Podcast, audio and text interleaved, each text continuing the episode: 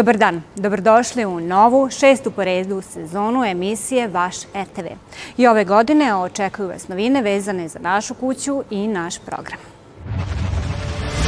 O dokumentarnom filmu pod nazivom Kako smo spojili grad mogla bih vam pričati mnogo, što svakako ne bi stalo u ovu našu kratku najavu, zato ću to prepustiti autorki samog filma Nini Martinović Armbruster. Moja preporuka je svakako da ovaj film nikako ne propustite.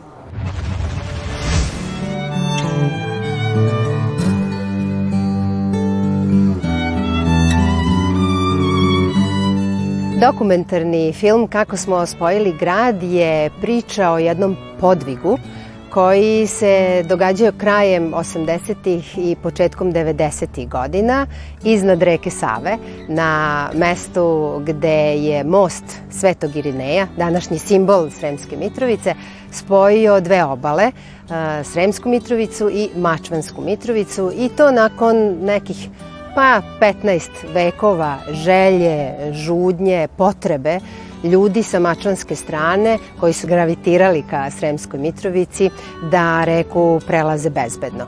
Sava se zaleđavala skoro svake godine.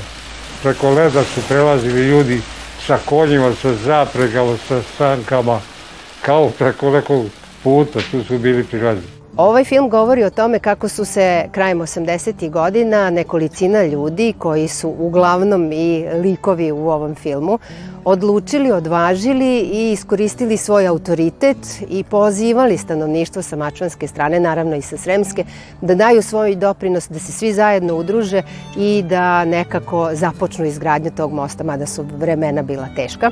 Želja je bila iskonska. Brojne generacije su verovali, očekivali, nadali se, ali mosta nije bilo. Postoji sličnost između mosta Svetog Girineja i mosta Slobode koji se ovde vidi iza nas. Naime, arhitekta Nikola Hajdin bio je jedan od glavnih inicijatora i zapravo dizajnera i jednog i drugog mosta, a most Svetog Irineja u vreme kada je sagrađen, u to vreme bio je najduži, a ja mogu da kažem i najlepši most, pešački most u Evropi. Dragi sugrađani, dragi gosti, danas počinje da se ostvaruje naš davni san, nas i naših predaka. Premijerno prikazivanje filma Kako smo spojili grad zakazano je za sredu 12. oktobar u lepom terminu 21 čas i to je sjajna prilika da svi budemo kod kuće i da pogledamo jednu priču koja je univerzalna priča o tome da kada je ideja i želja iskrena i prava i kada je korist za veliki broj ljudi i za celu zajednicu, onda ne postoje prepreke koje su nepremostive.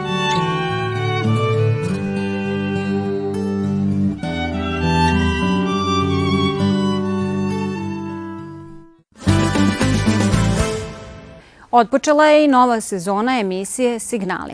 Šta ćemo u ovoj sezoni moći da čujemo, sa kojim gostima će naša autorka razgovarati, poslušajte u nastavku.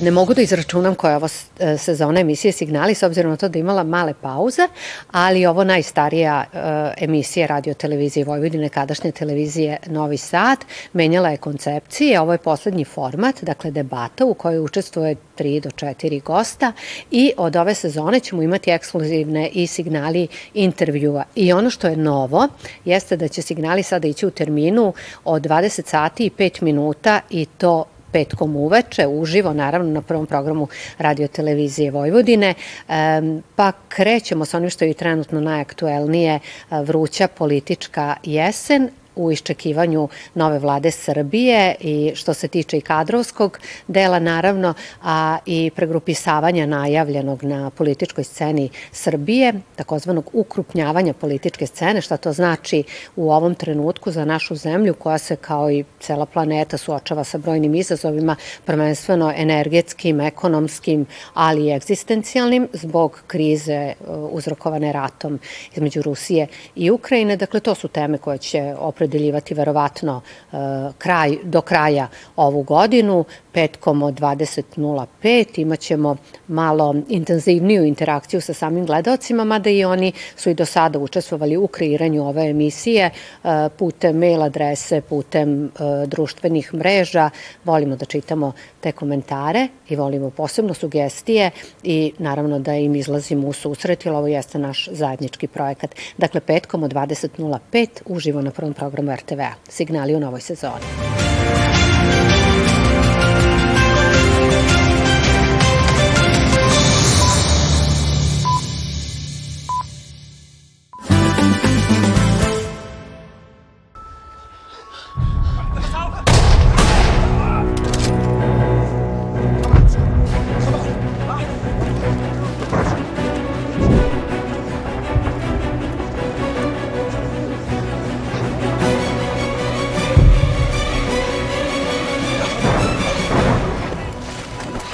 Ovog vikenda pogledajte sjajno filmsko ostvarenje o jednom od najmračnijih perioda u istoriji čovečanstva, vreme heroja koje je nastalo prema istinitim događajima.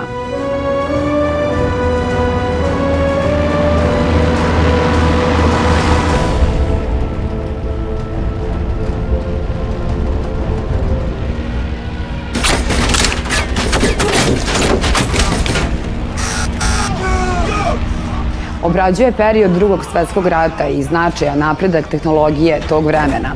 Film prikazuje osnivanje elitne jedinice britanske vojske koja mora da ide iza neprijateljskih linija, sabotira nemačke radare, a ujedno i ukrade njihove planove koji će uticati na dalji tok rata.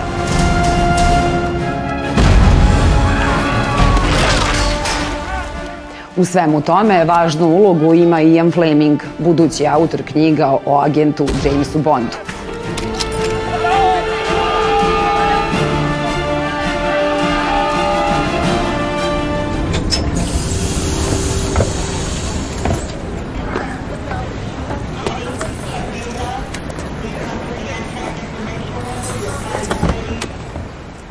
Kanadski majstor režije David Cronenberg, majstor horora, baron krvi, kako su ga nazivali, aktivan je kao reditelj od 70. godina prošlog veka.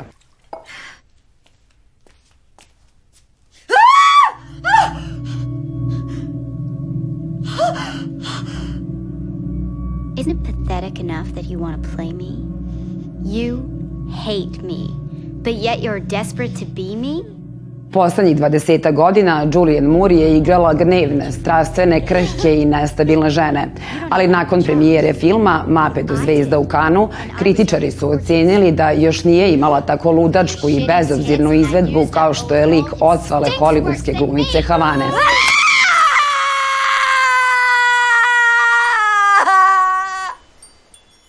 Uloga joj je na kraju donela nagradu za najbolju glumicu festivala.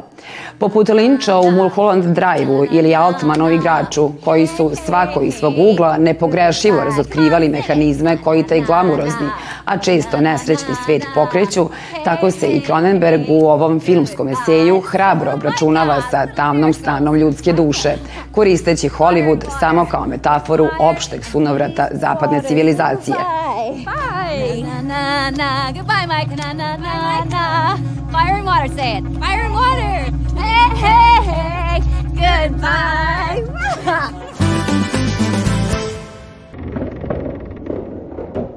Veoma značajan jubilej je pred nama. Danas ćemo proslaviti 18 godina emisije Pet kazanja. Sa nama je autor Bora Otić. Dobar dan.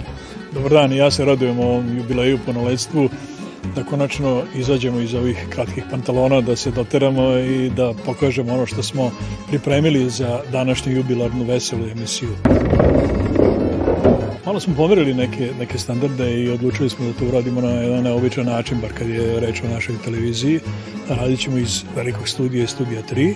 To će biti, opet, ja sam o velikim stvarima pričam, veliki tamburaški orkestar, svih 21 član će ulepšati našu večerašnju emisiju. Bićemo sa gostima u studiju, televizijskim žargonom rečeno igra i ovaj hol, tu će biti gosti, tu će biti malo i hedonizma, nešto će biti da se, da se izmaste ruke, da, da spremno dočekamo zimu i otići ćemo na četvrti sprat u onaj naš kafić, odnosno klub gde je ujedno i Vidikovac, da i tamo uradimo jedan segment ovog večerašnjeg programa. 18 godina je iza vas, e, mnogo priča, još više ljudi sa kojima ste radili. Kakvi su vaši utisci kada se osvrnete? Kao da smo juče počeli da je prošlo za čas. Brojne su tu uspomene, mnogo je to ljudi koji su još uvek tu, nažalost ima i mnogo onih koji više nisu kod kuće, ali čuvamo uspomene na njih i to je jedna od od vrlina ove naše emisije što smo uspeli da zabeležimo taj trenutak kad su imali šta da kažu, pokažu i to će traje večno.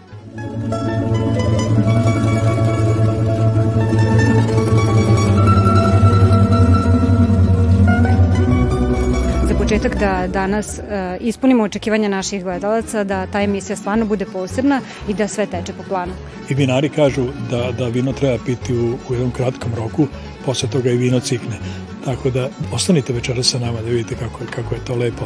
A vi, dragi gledalci, večeras od 21 čas uživo odavde iz studija 3, iz hola radio televizije u novoj zgradi na Mišeluku iz našeg Vidikovca na četvrtom spratu gledajte uživo jubilarnu rođendansku emisiju Petkazanje. 18 godina slavimo večeras.